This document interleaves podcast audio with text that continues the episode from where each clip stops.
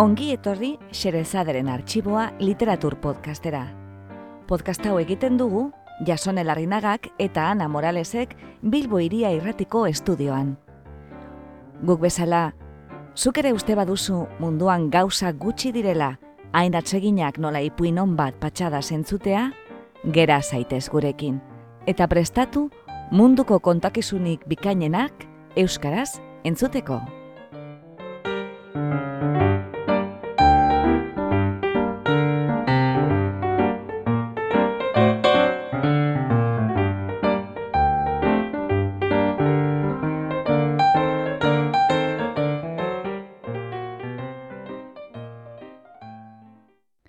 Gaur, Xerezaderen arxiboan, lehen maitasuna. Egilea, Vladimir Nabokov. Itzultzailea eta sarreraren egilea, Jasone Larrinaga. Ahotsa, Ana Morales.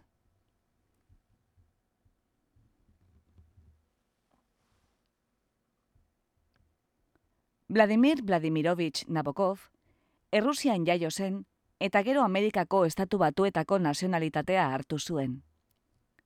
Eleberriak eta ipuinak idatzi zituen eta irakaslea izan zen. Mila sortzeon eta larogeta emeretzian jaio zen San Petersburgon, noblesia txikiko familia aberats batean. Etxean, errusiera, ingelesa eta frantsesa hitz egiten zuten, eta Nabokov, irueleduna izan zen txiki txikitatik. Mila bederatzeun eta emeretzian, familia kalde egin behar izan zuen, boltsebismoaren beldur, eta Nabokov, Cambridgeko unibertsitatera joan zen, Ingalaterran. Zoologian eta hizkuntza eslabiko eta romantzeetan lizentziatu zen. Urte batzuk Alemanian egin ondoren, mila bederatzeun eta berrogeian, estatu batuetara joan zen emaztearekin. Bere lehen novelak, errusiera idatzi zituen, baina gaur egun ingelesezko estilistarik garrantzitsuenetako bat da kritikarientzat. Bere lanak gaitzesten dituzten ekordea, ez eta hutsa dela diote, eta izkerari gehiagizko harreta ematen diola, pertsonaien nortasuna garatu beharrean. Gaur irakurriko dugun narrazioa, lehen maitasuna, New Yorker aldizkarian argitaratu zen mila bederatzeun eta berrogeta sortzian. Gero, Nabokovs douzen bilduman agertu zen, mila bederatzeun eta berrogeta amazortzian. Historio hau, kolet izen buruarekin, idazlearen memoria liburuaren zazpigarren kapituloa ere bada, idazketako aldaketa batzuekin. Nabokofen familiak uda batzuk igaro zituen miarritzen, eta uda hoietako baten gomutak kontatzen ditu egileak hemen. Treneko bidaia, ondartza eta kolet neskatila, bere lehen maitasuna. Aipagarriak dira deskribapen zehatzak, arlo zientifikoetako terminoen erabilera, eta Euskararen inguruan erakusten duen jakingura. Euskal iztun batek, miserikoletea hitza erakusten dio, eta betirako gogoratzen du. Entzun dezagun ba, zelan deskribatzen gaituen atzerritar batek. Lehen maitasuna. Vladimir Nabokov. Itzultzailea, Jasone Larrinaga.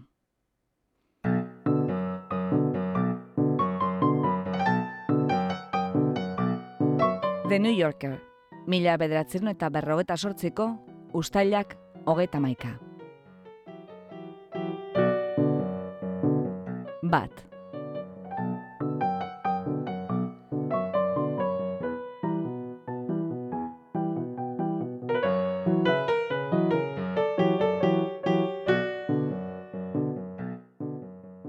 Honetako lehen urteetan, Nevski etorbideko bidaia agentzia batek, ikusgai zeukan, larogeta mar sentimetroko eta gaztaina koloreko nazioarteko oe bagoi baten maketa. Zinez garritasun delikatu ark, edabat barregarri usten zuen nire tren mekanikoaren latorri pintatua. Tamales, ez zegoen salgai. Antzeman zitezkeen, barruko tapizatu urdina, konpartimentuetako hormetako larru bozelduaren estaldura, panel finak eta bertan txertatutako izpiluak, tulipadun irakurketa lanparak eta beste xeetasun ernegagarri batzuk.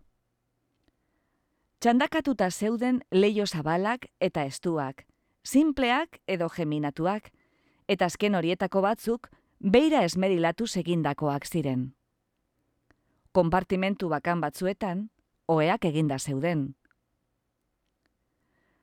Garai hartako Nord Express handi eta sofistikatuak, etzen gauza bera izan lehen mundu gerraren ondoren, mota horretako nazioarteko bagoiekin soilik eta astean bitan bakarrik funtzionatuz, Parisekin lotzen zuen San Petersburgo. Esango nuken, zuzenean Parisekin, bidaiariak espalira derrigortuta egon, tren batetik, itxuraz baino, antzekoa etzen beste batera aldatzera, Errusia eta Alemaniaren arteko mugan. Viesbolova, aitkunen, non Errusiako errailarte zabaletan agia, metro eta berrogeita mairu sentimetrokoa, Europako metro eta berrogeita iru sentimetroko estandar bihurtzen zen, eta ikatzak urki egurraren lekua hartzen zuen.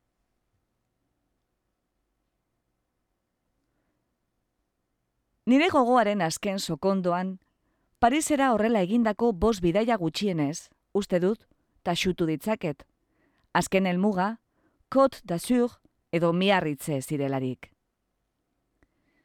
Mila bederatzeun eta bederatzean, orain aukeratu dudan urtean, nire arrebatxo biak etxean geratu ziren umesainekin eta izekoekin. Aita, eskularruak eta bidaia txapela soinean, liburu bat irakurtzen zegoen, gure irakaslearekin partekatzen zuen konpartimentuan eserita.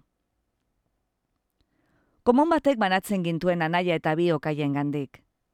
Ama eta beren eskamea, gure ondoko konpartimentuan zeuden. Gure taldeko banangoak, osip, aitaren gelasainak, ez ezagun batekin partekatzen zuen gela. Amar urte geroago, Sasiakintzu boltsebikeek osip fusilatuko zuten, gure bizikletak beretzat gorde zituelako, nazioari eman beharrean. Urteartako apirilean, Pieri iparpolora heldu zen. Maiatzean, Xaliepinek Parisen kantatu zuen. Ekainean, Zepelin berri eta hobeen zurrumurruengatik eskatuta, Estatu batuetako gerra departamentua, aireko itxas armada bat sortzeko planei buruz mintzatu zitzaien kasetariei. Uztailean, blegiotek kaletik doberrera egin zuen egan, itzulipurdi txiki gehigarri batekin, orientazioa galdu zuenean. Abustuaren amaiera zen orain. Errusiako ipar mendebaldeko izeiak eta zingirak arrapaladan igaro ziren, eta biharamunean, Alemaniako pinudiei eta txilardiei egin zieten lekua. Maito lezgarri batean, ama eta biok durazkie izeneko karta jokuan genbiltzan. Oraindik egun argia bazen ere, lehioan islatzen ziren gure kartak, edalontzi bat eta beste plano batean, maleta baten morroiloak basoak eta zelaiak zeharkatuz, eta ustekabeko troketan, eta ziztu bizian pasatzen ziren etxetxoen artetik, apustu sale amorratu haiek, jokoan jarraitzen zuten etengabe, postura txinpartatzuak etengabe eginez. Nie budget lie, to virustal. Naikoa izan duzu, ez zauden ekatuta? Galdetu zidan amak. Eta gero, pentsamenduetan galdu zen kartak astiro nahazten zituen bitartean. Konpartimentuko atea zabalik zegoen, eta korridoreko leioa ikus nezakeen.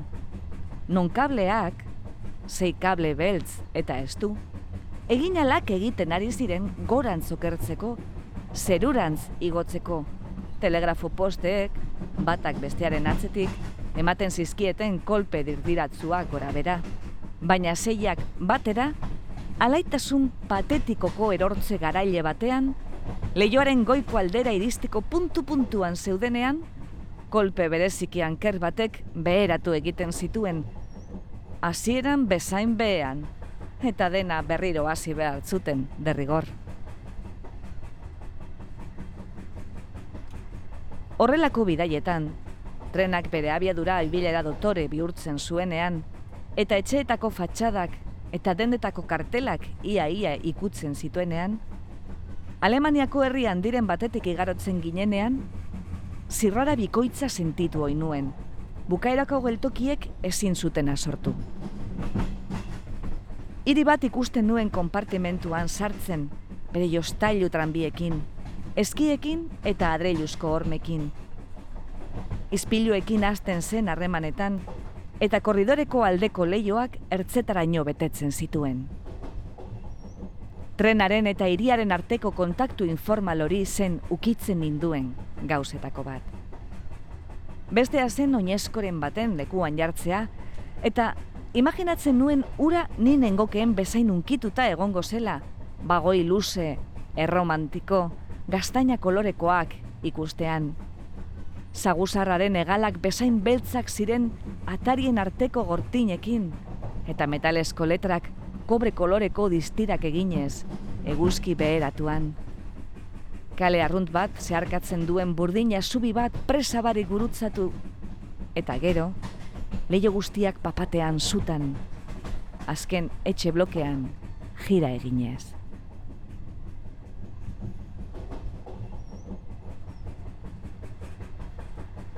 Amalgama optiko horiek trabak sortzen zituzten. Leio zabaleko jatetxe bagoia, korridore urdin kulunkarien segida baten ondorengo babes freskotzat hartzen zen hasieran. Begien aurrean, ur mineralaren botila garbiak, mitra itxuran tolestutako espain zapiak, eta txokolate tableta faltzuak, bilgarrietan, kalie, kola eta alako markak, baina barruan egurra baino etzegoen. Baina jatordua zoritxarreko azken platereran zijoala, trena, albo alboka zijoa zen zerbitzariak eta guzti, paisaian ausardiaz sororatzeko unean harrapatzen nuen behin eta berriro. Eta paisaiak berak mugimendu sistema komplexua jasaten zuen. Eguneko iretargia nire plateraren abiada berean temati, belardi urrunak abaniko baten modura irekitzen, Gertuko zuaitzak txinbo ikuse zinen gainean trenbideran zigotzen. Trenbide paralelo bat ustekabean anastomosis suizidatzen. Belar niktitanteen muño bat gorantz, gorantz, gorantz. Arik eta abiaduran ahaztuen lekuko txikia, bere omelette confiture de frezen anoa errebesatzera behartuta egon arte. Gau ez izaten zen, ordea, konpainiak bere izenaren magia betetzeko adinakoa zela erakusten zuenean. Kompani Internacional de Vagon Liz et de Grand Express European. Anaiaren literaren azpiko etik, lo ote zegoen anaia, analtzegoen. Gure konpartimentuan erdilunetan behatzen dituen gauzak, gauzen zatiak eta gerizak, eta gerizen atalak isila mugitzen inora heldu barik. Zurak kraska eta karranka egiten zuen, leun. Komunera zeraman atetik gertu, modu erritmikoan kulunkatzen ziren kako batetik zintzelikatutako janski ilun bat, eta gorago, kriseilu kuskubiko urdinaren borla. Zaila zen lotzea urbilketa zalantzati haiek, isiltasun itzura, eta kanpoko gaueko harrapala da. Zeina banekien, askar batean zijoala, txinpartekin zerroak eginez, irakurtezin. Loak hartzen induen, tren gidariarekin identifikatzeko ekintza soilaren bidez. Ongizate loarazle baten sentsazioak zainakin baditzen zizkidan dena ondo antolatuta neukanean ardurari gabeko bidaiariak, euren geletan, ni ematen ari nintzaien ibilaldiaz gozatzen. Erretzen, konplizitate irribarreak trukatzen, burua makurtzen, lokukuak egiten. Zerbitzariak eta sukaldariak eta tren zaindariak, non baiten jarri behar nituen, jantoki bagoian parranda egiten. Eta ni, kedartuta eta begiak zuloetatik kanpo, makinaren kabinatik trenbide gero eta estuagoari begiratzen. Distantzia beltzeko errubi edo esmeralda koloreko puntuari begiratzen. Eta orduan, lo nengoela, beste gauza bat ikusten nuen, guztiz desberdina. Kristalesko pustarri bat piano luze baten azpian biraka. Edo jostailuzko tren bat, alboz erorita, gurpilak oraindik kementzu bueltaka.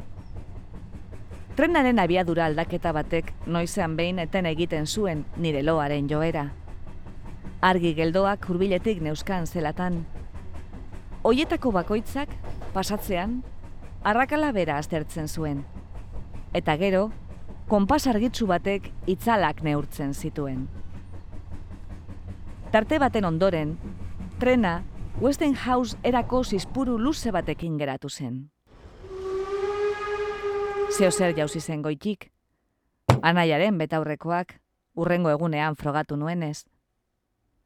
Zoragarria eta zirraragarria zen norbere oearen oinaldera joatea, buruzi batzuk narra zeramanez, leio saretaren segurtagailua kontu handiz askatzeko, ura erdizka baino ezin baitzen igo, goiko literaren ertzean trabatuta geratzen zen eta. Jupiter inguruko ilargien moduan, gaueko tximeleta kolorgeak farola bakarti baten biran zebiltzan. Ezerleku baten gainean, egunkari zatitu bat astintzen zen. Trenean nonbaiten ahots motelduak entzuten ziren, norbaiten estul erraza. Etzegoen ezer bereziki interesgarririk aurrean neukan geltokiko nasaren zatian, eta hala ere, ezin nintzen handik aldendu bere kabuz aldegin zuen arte.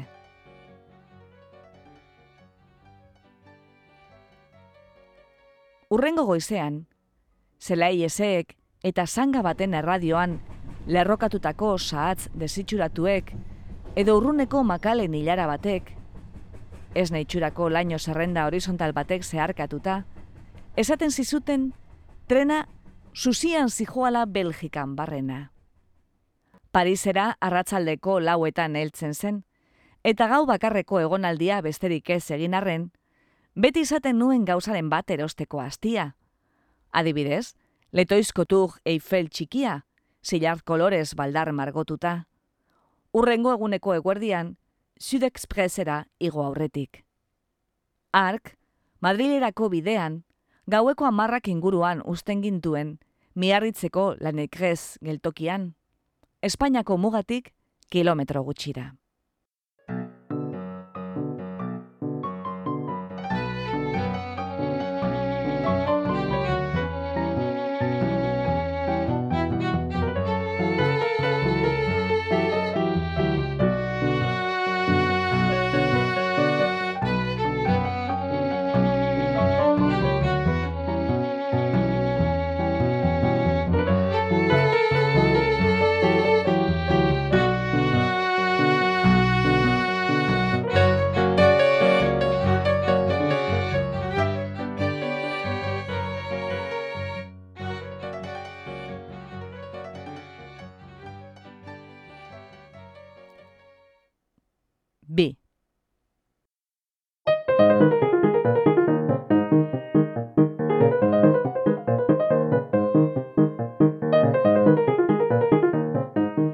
Miarritzek bere esentzia gordetzen zuen garai hartan. Hautzez estalitako sasiarteek eta tegan zabandre belar txarrez inbaditutakoek gure landetxera zeraman bidearen ertzak betetzen zituzten. Carlton hotela eraikitzen ari ziren artean. Hogeita masei urte inguru igaro beharko ziren, Samuel McCloskey, brigada generalak, hotel dupaleko errege suitean ostatu hartu baino lehen. Hotel hori, antzinako jauregi baten lursailean dago, non, diotenez, irurogeiko amarkadan, medium ikaragarri bizkorura, Daniel Home, ustekabean narrapatu zuten, oin biluziarekin Eugenia Emperatrizaren aurpegi atsegin eta fidakorra aukitzen ari zela, mamu baten esku baten tankeran. Kasinotik gertuko pasealekuan, emakumezko lore saltzaile edadetu batek, bekainak ikatz ziriz tindatuta eta irribarre pintatu batekin, trebezia sartu zuen krabelin baten konkor mardula oinezko baten boto izuluan. Eta oinezkoaren eskerreko masailak, plegadura dotoreak nabarmendu zituen, saieska begiratu zionean, lorearen txertaketa pinpirinari. Plajaren atzeko lerroan zehar, areatzan olgetan zebiltzan ume lastoka peladunen gurasoak zeuden, ondartzako eserleku eta aulki batzuetan. Ni belauniko nengoen, aurkitutako horrazi bati lupa batekin zu emateko aleginetan. Gizonek praka zuriak erakusten zituzten arro, zeintzuk garbiketan, urak modu xelebrean laburtu zituela emango bailuke gaurko begietara. Emakumezkoek denboraldi hartan, jazten zituzten jaka harinak zetaz forratutako papar egalekin, kapela luzeak eta egal zabaldunak, belo zuri itxi brodatuak, marinera parpailadunak, parpailak esku muturretan, parpailak itzalkinetan, itxasaizeak gazito egiten zituen Espainiak. Galdutako mitxeleta urre eta laranja koloreko batek, ziztu bizian gurutzatu zuen plaj pilpiragarria. Mugimendu eta soinu gehiago zetozen kaleko saltzaileen gandik aldarrika eskainiz kakaiutak, azukrezko violetak, bere biziko berde koloreko pistatxosko izoskia, kaxu pastillak eta bidoi gorri batetik ateratzen ziren gauza lehor, arearen antzeko, gailetaren itxurako baten zati handi eta konbeksuak. Gerora inongo gain jartzerik lainotu ez duen klartasunarekin, gaileta saltzaile ura ikusten dut, irin ondar sakonean oinak sartzen, bizkar makurtuan bidoi astuna zeramala. Deitzen ziotenean, sorbaldati jaizten zuen, ualari bira bat emanez, kolpe batekin usten zuen ondarrean, pisako dorrearen jarreran, eta zenbakiak zeuskan iparrorratzaren antzeko mekanismo bat manipulatzen zuen bidoiaren estalkian. Geziak kirrinka eta burrumba egiten zuen jirabiran. Soriak erabakitzen omen zuen, sos baten truke ematen zuen gailetaren tamaina. Zenbat eta handiagoa, atzekabe handiagoa hartzen nuen beragatik. Baino hartzeko prozesua, ondartzako beste leku batean izaten zen. Bertan zeuden bainolari profesionalak, Euskaldun gihartzuak baino jantzi beltzekin, emakumezkoei eta umei uinen ikarez gozatzen laguntzeko. Hoietako bainoek batek, hurbiltzen ari zen olatu bati bizkarra emanez kokatzen zintuen, eta esku ematen zizun, ur berde, apartzaren masa birakari eta geros eta handiagoa, bortizki eta atzetik erortzen zenean zure gainera, neurri gabeko sartako batekin, ahos gora, eroraraziz. Hoietako dozena bat txilin bueltaren ondoren, bainoegak, itxatxakur bat bezain distiratzu, bere ardurapekoa arnaz estuka, dardarka eta sudur bustiaren mintzuarekin, lehorrera eramaten zuen, itxas baster laura, nun emakume zahar, kokotza ilesuriz bete, ahaztezin batek, soka batetik zintzilik zeuden bainu batetatik bat aukeratzen zuen berehala. Aldagela txiki baten segurtasunean, Beste enpegatu batek laguntzen zizun baino jantzi busti bustia eta areak astundutakoa kentzen. Baino jantzia, plaust, erortzen zen oholen gainean. Eta gorputza oraindik dardaraka, oinak ateratzen zenituen eta bere marra urdinska lausoak zapaltzen zenituen. Laguntzaileak, zimur alaitzu dun lepoker batek, irakiten zegoen ura ekartzen zuen konketa batean, eta bertan sartzen zenituen oinak. Arengandik ikasi nuen, eta ordutik ona, nire oroinmeneko kristalesko zelula batean gorde izan dut, Euskaraz, butterfly, miserikoletea dela. Edo ala iruditu zitzaidan behintzat. Iztegietan aurkitu ditudan zazpi hitzetatik, mitxeletea da gehien hurbiltzen zaiona.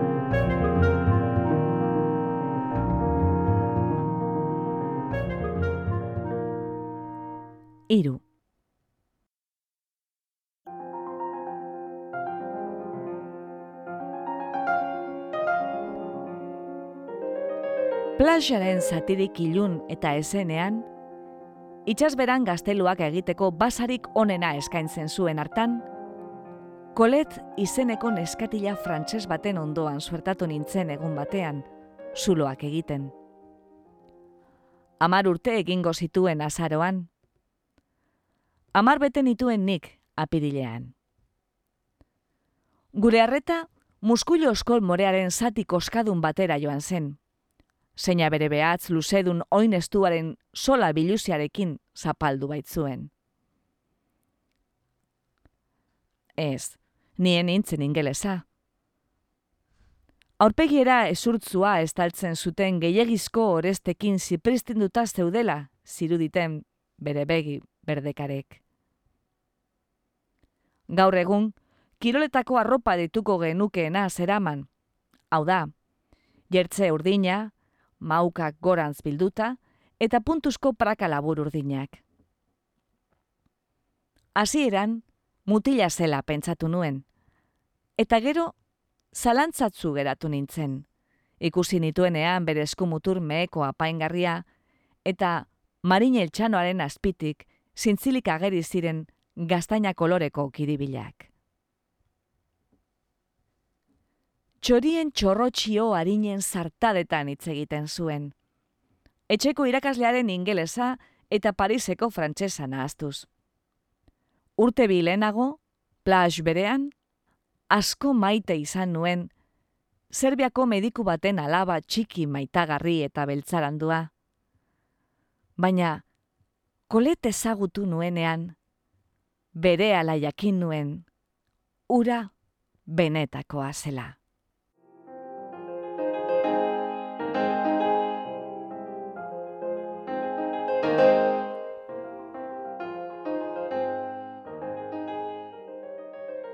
Miarritzeko nire noizean bengo beste jolas lagun guztiak baino askoz harrigarriagoa zen niretzat kolet. Ez dakit zelan heldu zitzaidan irudipena, ni baino zori gaiztokoagoa zela, ez zutela askorik maite. Bezaurre delikatu eta leunean zeukan beltzune batek susmo beldurgarriak sortu zizkidan. Amak bezain zakar egiten du txitsimurka, esan nuen karramarro bati buruz. Gurasoen gandik salbatzeko zenbait plan garatu nituen. Haiek, de bourgeois de Paris, baitziren. Horrela entzun nion norbaiti, erdeinuzko keinu txiki batez, nire amari esaten. Mespretsua nire erara interpretatu nuen, banekielako pertsona haiek, euren limusina urdin eta horian etorri zirela Parisetik. Sasoi hartan, modan zegoen abentura, baina kolet eta bere txakurra eta irakaslea, bidaiarien tren arrunt batean bidali zituztela modu xumean.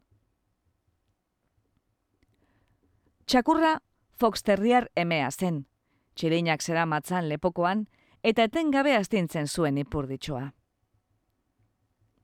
euforiaz gainezka, urgazia edaten zuen koleten baldetxotik. Gogoratzen ditut balde hartan margotutako belauntzia, arratz bera eta itxasargia, baina ezin dut txakurraren izena gogoratu. Eta horrek, nahi gabetu egiten nau. Miarritzen egon ginen hilabete bietan, koletengatik sentitzen nuen pasioak, tximeletengatik sentitzen nuen pasioa gainditu zuen. Nire gurasoek ez zeukaten bere gurasoak ezagutzeko gogorik, beraz, ondartzan bainoen nuen ikusten. Baina buruan neukan beti. Negarrez egon zela nabaritzen banuen, neure begietara malkoak ekartzen zituen itxaropenik gabeko larritasun olatu bat sentitzen nuen. Ezin dituen bere idun delikatuan koskada kusten zizkioten eltsoakil, baina berarekin lotzagabe portatu zen mutil ilegorri batekin ukabilka borrokan ezakeen, eta egin nuen. Neuk irabazi nuen. Gozoki eskukada abegikorrak ematen zizkidan. Egun batean, itxas izar bati begira makurtuta geunden, eta koleten kiribilek kilikiliak egiten zizkidaten belarrian. Bapatean, nire ganantz giratu, eta masailan eman zidan musu. Sentitu nuen zirrara, hain izan zen handia, non esatea bururatu zitzaidan gauza bakarra izan zen. Zorgintxu alakoa.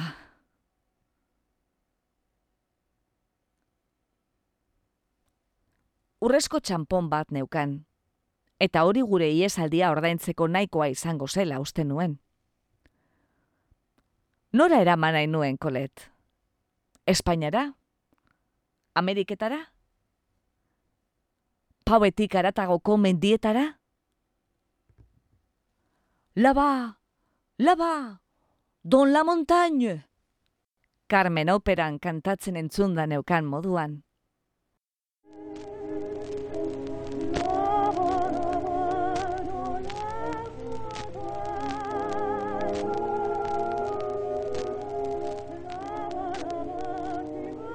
Gau bitxi batean, iratzarritan engoen, ozeanoaren danbada isil errepikaria entzuten eta gure iesa prestatzen. Bazirudien, ozeanoa igo eta itxu itxuan ari zela iruntasunean, eta gero, muturrez aurrera erortzen zela, astun.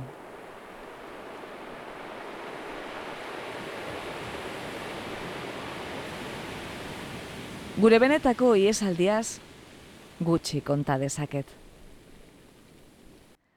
Nire oroimenak koleten irudi iragankor bat gordetzen du, abarketak janzten, esaneko, aizeak astintzen zuen denda baten eskutuan. Nik, tximereta sare tolesgarri bat paperezko poltza marroi batean sartzen nuen bitartean. Urrengo irudia, jasarpena saiesteko gure alegina da, kasinotik hurbil zegoen zinema ilun baino ilunago batean sartuta. Zeina, noski, gure jarritako mugetatik kanpo baitzegoen. Han ezeri ginen, eskuak lotuta txakurraren gainetik. Zeinak, lantzean behin, dilindalan egiten zuen goxoki.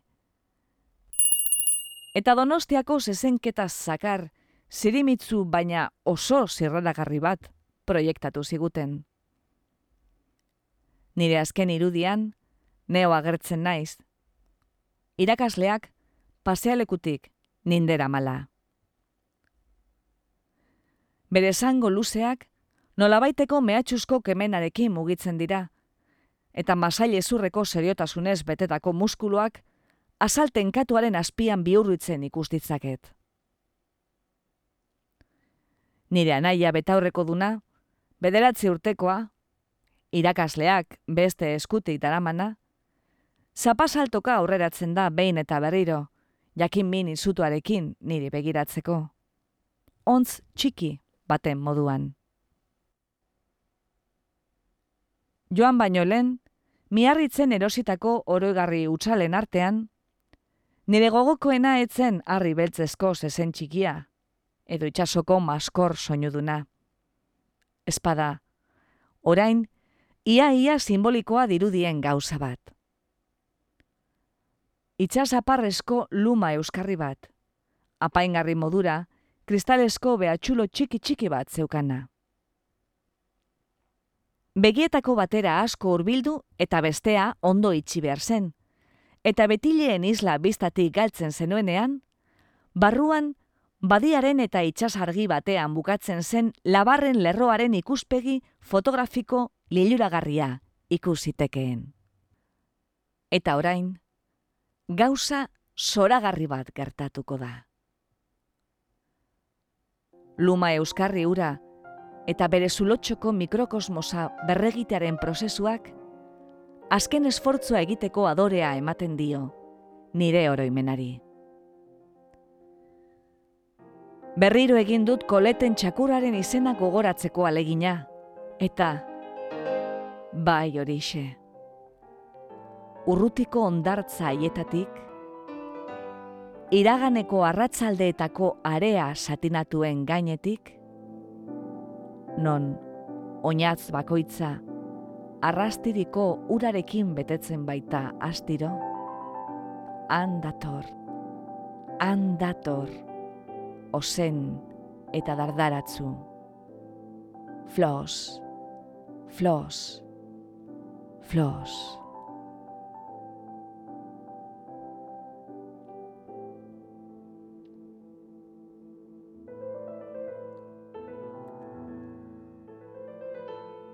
Kolet Parisen zegoen, egun batez bertan geratu ginenean, etxerako bidean aurrera egin aurretik. Eta han, parke harre batean, eta zeru urdin hotz baten azpian ikusi nuen, gure zaintzaileen arteko adostasunari esker uste dut, azkenekoz. Zirrindola bat eta ura erabiltzeko makila bur bat zeramatzan, eta bere inguruko gauza guztiak ziren oso egokiak eta dotoreak. Udagoieneko paristar, tenu de vil pufiet, usadioan. Aguro pari bat hartu zion irakasleari, eta nire anaiaren eskuan sartu zuen. Almendra garrapinatuen kaxa bat, niretzat bakarrik zena, banekien. Eta, istantean, joan egin zen, bere zerrindola dirdaitzua eguzkitik eta itzaletik kolpetxoka eramanez.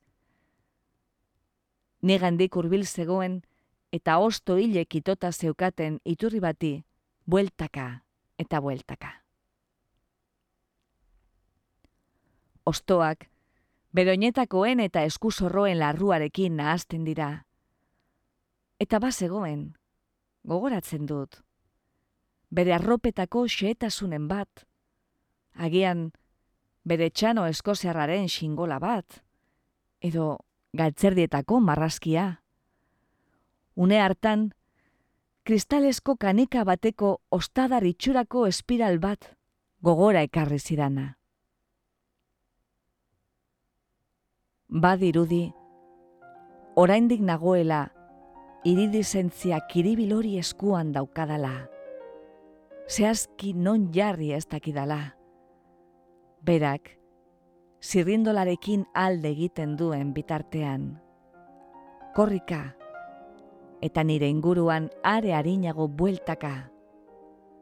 Eta azkenean, disolbatu egiten da, ustai basuko itxiturako arku korapilatuek, hartxintxarrezko bidean, proiektatutako itzal makarren artean.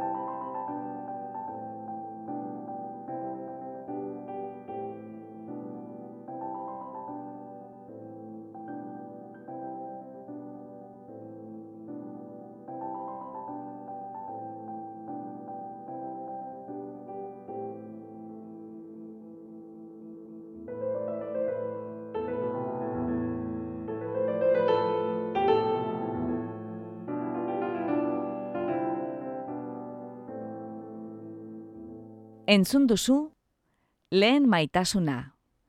Egilea, Vladimir Nabokov. Itzultzailea eta sarreraren egilea, Jasone Larrinaga. Irakurlea, Ana Morales.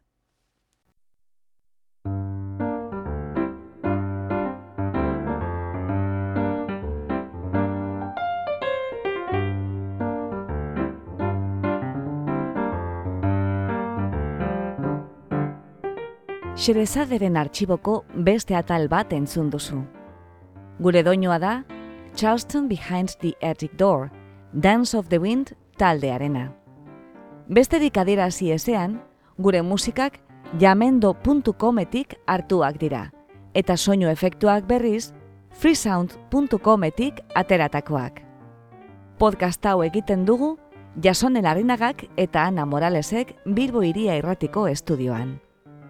Gure audioak online entzuteko edo eskuratzeko eta podcastaren arpidedun egiteko, bilagaitzazu iTunesen edo joan gure blogera irubebikoitz.blogak.com barra isa. Irriketan gaude zure iritzia jakiteko eta zure gurariak betetzeko. Beraz, gure blogera soazenean, eza astu iruzkina ustea eta irakurgai proposamenak egitea. Eskerrik asko gurera hurbiltzeagatik. Gustora egon bazara, etorri urrengo batean berriz ere, Xerezaderen arxiboa literatur podcastera. Laster arte!